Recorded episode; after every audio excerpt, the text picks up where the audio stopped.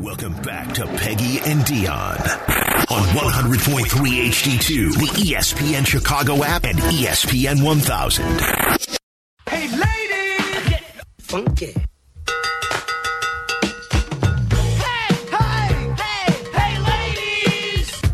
Well, good morning and welcome to another snack size version of Peggy and Dionne. I am Dionne Miller flying so, not solo because Charlie is here, but sort of solo. Peggy is at, I think, another wedding. I swear I listen when she tells me where she's going, but I don't remember exactly what she said. But she is off this weekend, so we're going to get you from 10 to 10:30 here and get you set up for White Sox Weekly coming up with Connor McKnight at the bottom of the hour. Peggy and Dionne is brought to you by Advantage Acura of Naperville, and if you want to weigh in on anything we discuss over the next 30 minutes or so, 312-332-3776. Feel free to give us a call. I want to tell you guys, it's been a week. It's been a week for me. It's been a week for me. So the kids got out of school on Wednesday. I spent most of Wednesday night at the emergency room with my child because he got uh, a baseball careened off his head in the outfield. Oh, no. And it was a wild scene. Um, he's fine. He's totally fine, I have to say. Um, but we took him to Lutheran General, the pediatric ER. They were amazing. I met one of our very loyal listeners there. Sporty Spice is what she goes by on Twitter, and she was a delight. Um, we were there for a very long time, but that's how we started summer. He's fine. He's back in the lineup this morning, but that was the start of our week. Was it like a Or pitch, or did, did he take no, a, a he was he was in the outfield and he was and it was you know a, a pop up and he was trying to catch it and it, it was dark. It was almost after nine o'clock, and it just kind of careened off his glove and like nailed the side of his head, and it swelled up really fast, like really fast. And so that was the reason we took him in. But he's he was totally fine. I- he's yeah, so there was one time. Um, so I didn't play baseball when I was a kid. I just started playing in high school because all my friends did, and it Love it. was, and you know, it'd been a while since I'd like thrown a baseball with any sort of velocity. yeah. Second or third practice, it's a morning. It's like before school, and we're in the gym. A ball goes by my mitt and it bounces off the wall. And when I turn, it hits me in the nose, and I had a Oh bloody my nose. gosh. It was like the third day of practice, and I was like, I don't know if I want to keep doing. How does this. that even happen? What I are the have odds no of idea. that? And yeah, Oh it my was it was gosh. the least coordinated way to get to end up with a broken nose. Oh my gosh. Well, I'm glad that you survived.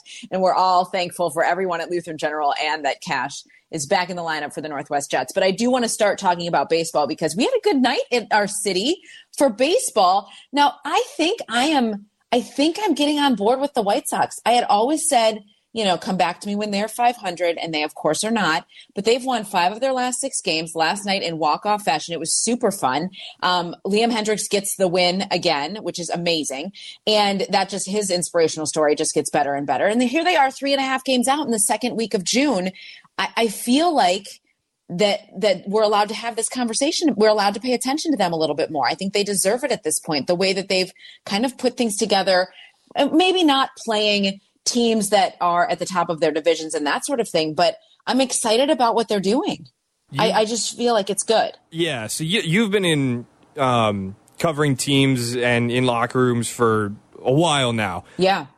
What like it has to be real the impact of the emotional impact in a locker room from a leadership perspective or just a morale perspective having Liam back, right? Like you you Yes. that has to be real, correct? it is very real it is very real and and i don't think that we um we properly uh, noticed that when the season began and he was not there right and they were struggling so much and not that it necessarily has it equates to wins and losses but the energy in the room i mean the day he came back to chicago uh, Lucas Giolito told us, he says, we got our guy back. And, and you don't, he just has a presence about him. He lights up the room when he walks into it. He has a positivity about him that's just different. He just, he gets it for all the right reasons. And, um, and then to see the emotion that he brings every time he's on the mound, and it just, you know, it feels different to him being back out there now on the other side of cancer and to his teammates. And, and to just know that he's, coming in late and making and, and making an impact, doing his job. It's remarkable. It's truly remarkable that what he's done. Already the best victory for the White Sox, but now to have them kind of creeping up in a poor division, but just being relevant a little bit here at, as we're in mid June. I think it's exciting. Dylan Cease had a great night. He went six innings, a quality start for him. They have reasons to feel good about the direction that they're headed. What it means, what, you know, I know, call me when they're actually winning in the postseason. But at this point, they have to be excited about how they're getting close to the midway point of the season and putting some things together. And you were filling in for Jay Hood a lot um, a Yeah. couple weeks ago when it was maybe one of the lower points of their season. So what Yeah. like I, I, I just think the difference between how you're talking about them now and how you and Cap and the rest of the station, how we all had to talk about them for basically up until now, essentially. Right. Yes. It's oh, a essentially, yeah. remarkable turnaround at this point. Yeah, I mean, disappointing that Eloy cannot seem to stay healthy, or they can't seem to get everybody on the field at the same time. But if they can get contributions for, from a Grandal more consistently, and we all know what Jake Burger's doing this season, and if the pitching can continue to go, I mean, I'm going to tune in to White Sox Weekly at 10:30 with Connor McKnight. Like, I want to hear what it's like to be in, in with the group on the road back here. You know how they're kind of coming all together. I think it's it's exciting to see. And and then you know when I talk about pitching, I, I would be remiss if we didn't talk about what the Cubs were able to do last night and Marcus Stroman. And and it, last weekend, Charlie. I was watching the Marquee Network and they were talking about Stroman and they casually, you know, talked about the way he's pitching right now, he could be in the NL Cy Young conversation. And I almost like spit out my coffee. I was like, what? That cannot be true. But I think it, it is a legit, it's a legit conversation now. He has, what is it? 12 quality starts in 14 or 14 out of 16 or something like that. And I believe it that leads uh, Major League Baseball too. It does. And his ERA at 2.42 right now is the second lowest in the National League. He's already surpassed his win total from last season. He's become so reliable in the rotation and so dominant that that they need it. And then the the just the whole what unfolded last night with Nico Hoerner not being in the lineup to start the game and and David Ross knew that he wasn't happy about it. And then for him to come in and deliver in the 7th was was pretty awesome. But I want to read what uh, Tucker Barnhart said about Stroman, you know, because Tucker's behind the plate, and he said when he's pitching right now, it's like playing a video game. The way he's able to throw the ball both sides of the plate with his sinker, his slider, curveball, and changeup, it's been so much fun to catch. That is not what we had said about Marcus Stroman last year at all. No, because he was he was the ground ball like he was the ground balls pitcher's ground ball pitcher. Like it, it- Yeah, that yeah. was that was his game, and uh, in this sort of strikeout dominated era, it's hard to succeed like that. But this is the stat I was looking for. Here are the top. This is from uh, Matthew Brownstein. Here are the top two pitchers Okay. in Major League Baseball with the most starts of six innings pitched and no more than two earned runs allowed this season. It's Marcus Stroman at 12 and Chris Bassitt at 10. And then he also compares that the Mets, who essentially let Stroman walk as a uh, entire roster, they have 15 such starts. So to go from again, I mean, we're, it's kind of the theme of like where we were then to where we are now. Like Stroman's the expectation for Stroman was he's a sol- he's like a really good number two. Yeah. uh, he's a rich Yes. man's number two, but he's been a full on ace. Yeah, he absolutely has been, and when they've needed it, because the the inconsistency of Hayden Wesneski in that rotation, and then you know getting Kyle Hendricks back, who I think is starting to come into his form. He looks a little bit more like himself um, as he's adjusted, and he talked about you know coming back in the pitch clock and kind of like catching up with the rest of every, everybody what everybody's been doing since the start of the season, and him missing a couple of months, just getting back in that groove. It feels like he is, but you know Justin Steele gets injured, and and just trying to like piece it all together, it's nice to see that stopper every five days in Stroman and what he's able to do and, and to have that consistency. I mean, the Cubs have had a, a miserable couple of weeks. Like let's not let's just call it what it is. But it's always fun. It's always fun when both teams win. It's always exciting to see them kind of find like a spark at some point. And and that's what this season is for the Cubs, I feel like. It's not going to be fun to watch all the time. It's going to be very frustrating for fans but you you got to be excited about what Stroman's doing. And as we're getting closer to the All Star break, I would imagine or the that he would be representing the Cubs. I, I would be stunned if he wasn't. Yeah, and that that's that's what's funny about the nature of baseball is it's you really have to like the way you kind of have to talk about it is in big chunks, big sample size. Like you almost have to talk about it week to week as opposed to day to day. But like that's not as interesting. Like we're in the moment, we're day to day. So like yeah, we're feeling good about the Cubs and we're feeling good about. We might feel terrible about the Cubs tonight, but right now to kind of have some good feelings about both teams is good. Who are you more optimistic about though?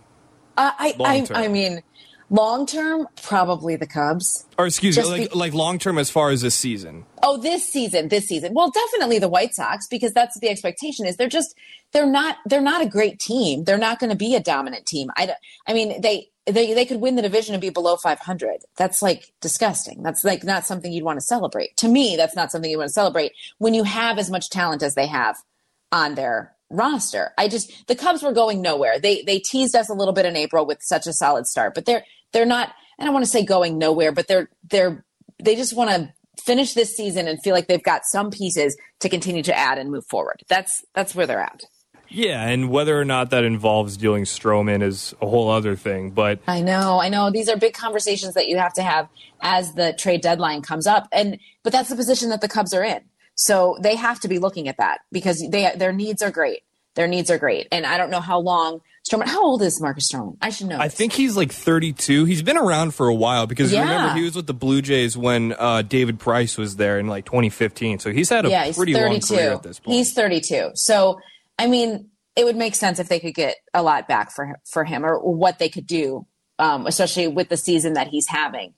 Um, it's just interesting. But I like the other thing I like about Stroman is how invested he is in the community and how um, how much he wants to be a more like a well-rounded person. It's not just about baseball for him; it's about using that platform to kind of grow his voice and support others and and be an encouragement. It's the same thing that that Liam Hendriks is for the White Sox, right? Like that that kind of guy that wants to represent and and connect people and have big conversations and not just make it about baseball. And I like that about Stroman. I think that that's a Cubs team that needs that right now. How that evolves from here, I'm not sure, but at least we had two victories to talk about this morning. yeah, you can't you can't say that there's a leadership void on either of these teams at this point. no, I don't think so. No, and and you know, I I just it's it's better in our city when the summer is going and our teams are giving us something to talk about. I do feel like the White Sox have have reason to be optimistic about the the direction they could now go in because of what they're putting together here in mid June, if they can keep it up, and if the the bad of the division just continues to be bad, and and nobody really is going to run, no one's going to run away with the Central. I don't think for either the American League or the National League, but it, at the same time. Cubs are not in that position. The White Sox are. And if they, this is what the expectation is. And I think it's what they expect of themselves too in that clubhouse. So we'll yeah, neither of these teams have a ton of wiggle room as far as assets go because No. the Cubs are in a, a they're like whether or not they want to say it, they're still probably in an acquiring phase of this rebuild. Oh, absolutely. Yeah, they have to be. They have to be for what that they're what they're getting. Um, okay, we're going to take a break, but when we come back, we're going to shift a, gears a little bit to talk about football. Bears wrapped up their voluntary workouts this week, and I also want to talk a tiny bit about Baby Gronk. Do you guys know who the Baby Gronk is? I read an article yesterday and literally cringed through the whole thing. We'll talk about that when we come back. This is Peggy and Dionne on E ESPN 1000. Follow ESPN 1000 Chicago on twitch.tv or the Twitch app. Welcome back to Peggy and Dionne. on Chicago's home for sports, ESPN Chicago.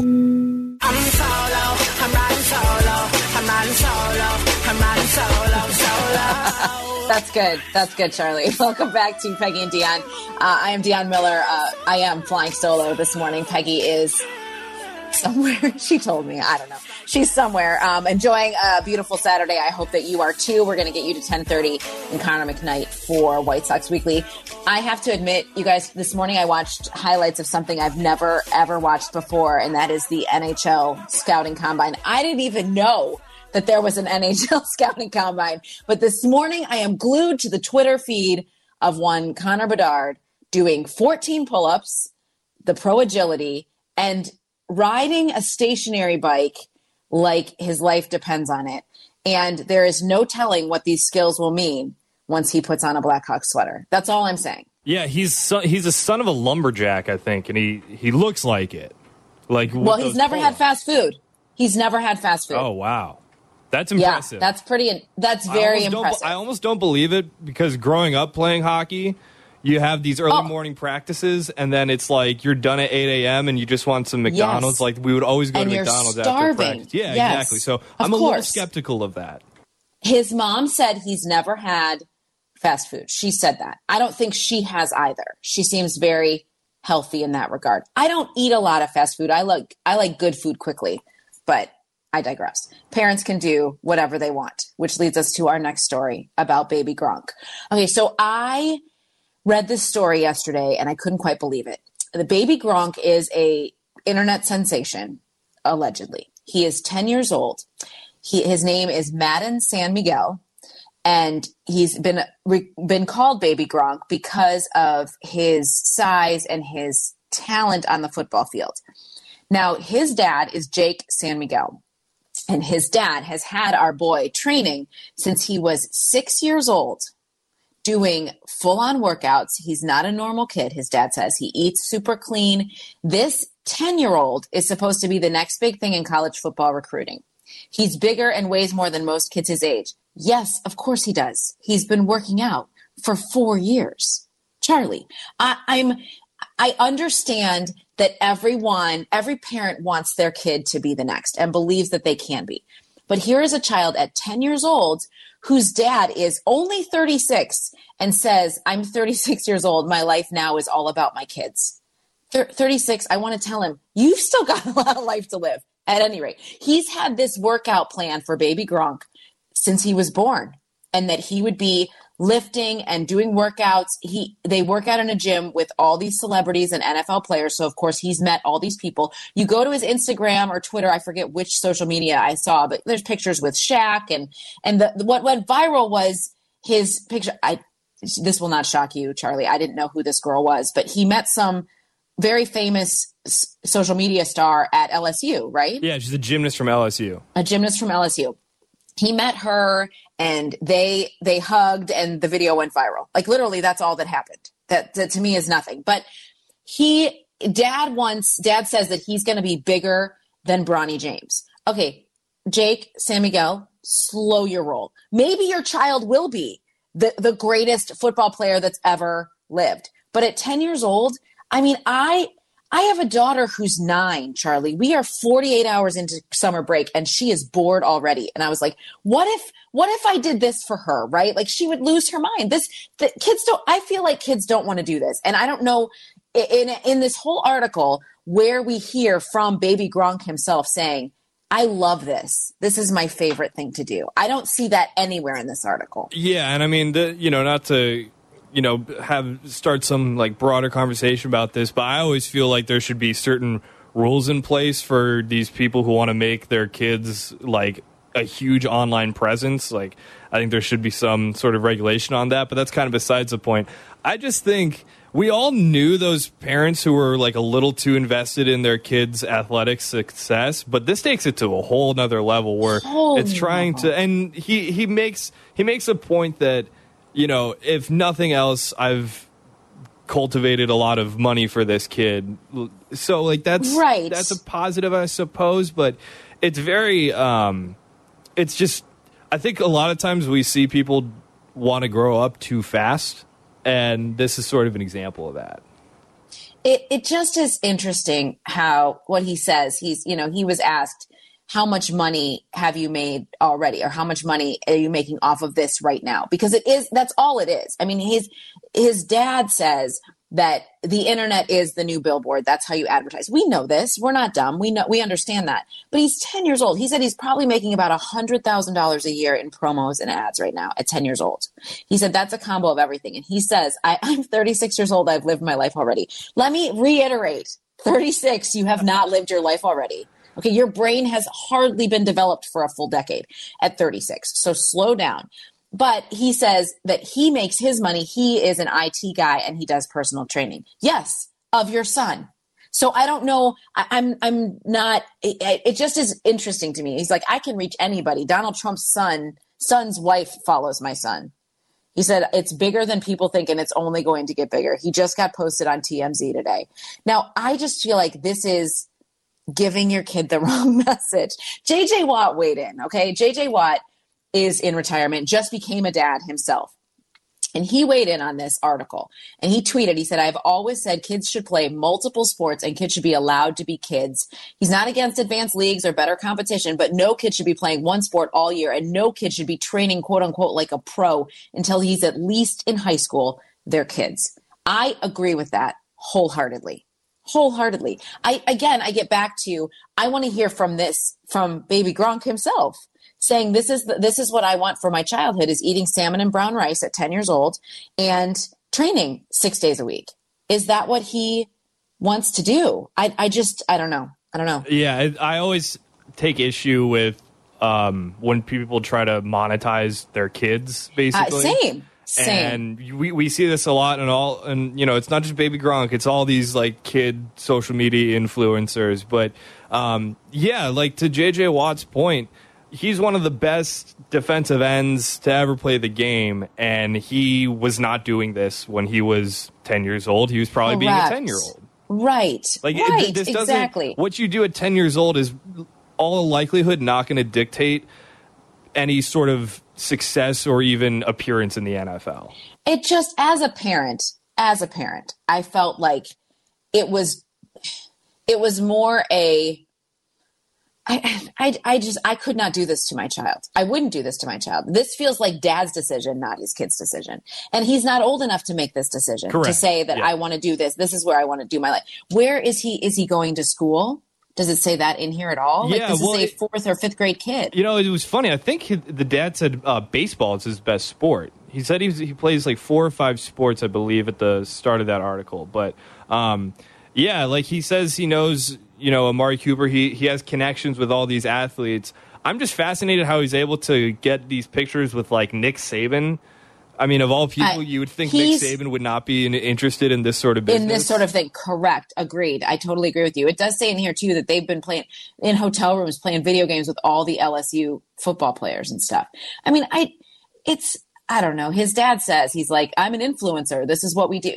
I just, that, uh, it just makes me uncomfortable. It's Again, a it's very cringe, cringe, cringe. to, like, it's very, waters. it is. It is. And it's and dad is name dropping in this article and that just feels uncomfortable to me. Now, am I making a judgment? I am. I am. Yeah, I am. I'm that shallow. I am that small of a person. I just think that it's it's it just makes me feel uncomfortable for putting your child in this thing. Maybe I'm wrong. Maybe he is going to he'll he'll get his full ride to whatever college he wants to go to and they can't make offers until he's in 8th grade. Is that right? I believe so because we, you know, we've heard all these stories about like this eighth grade quarterback was offered by USC. Right, So I think you're probably right. right. It's either freshman year or eighth grade.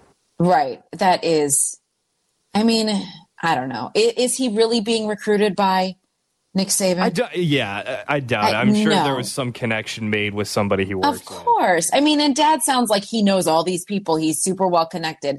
Okay. I mean, okay. It just, if you want, the article in The Athletic is very well done because everything The Athletic does is very well done. But it, it's, it's interesting. It's worth, it's worth a read after you stay tuned for White Sox Weekly with Connor McKnight, and then also listen to the Marlins and the White Sox game two coming up this afternoon. Charlie, thanks for um, working th- with this through me or th- through this with me. That's it. Yeah, of course, always, always Yeah. a blast. Oh, it was a blast. Hopefully, Peggy and I will be back next week.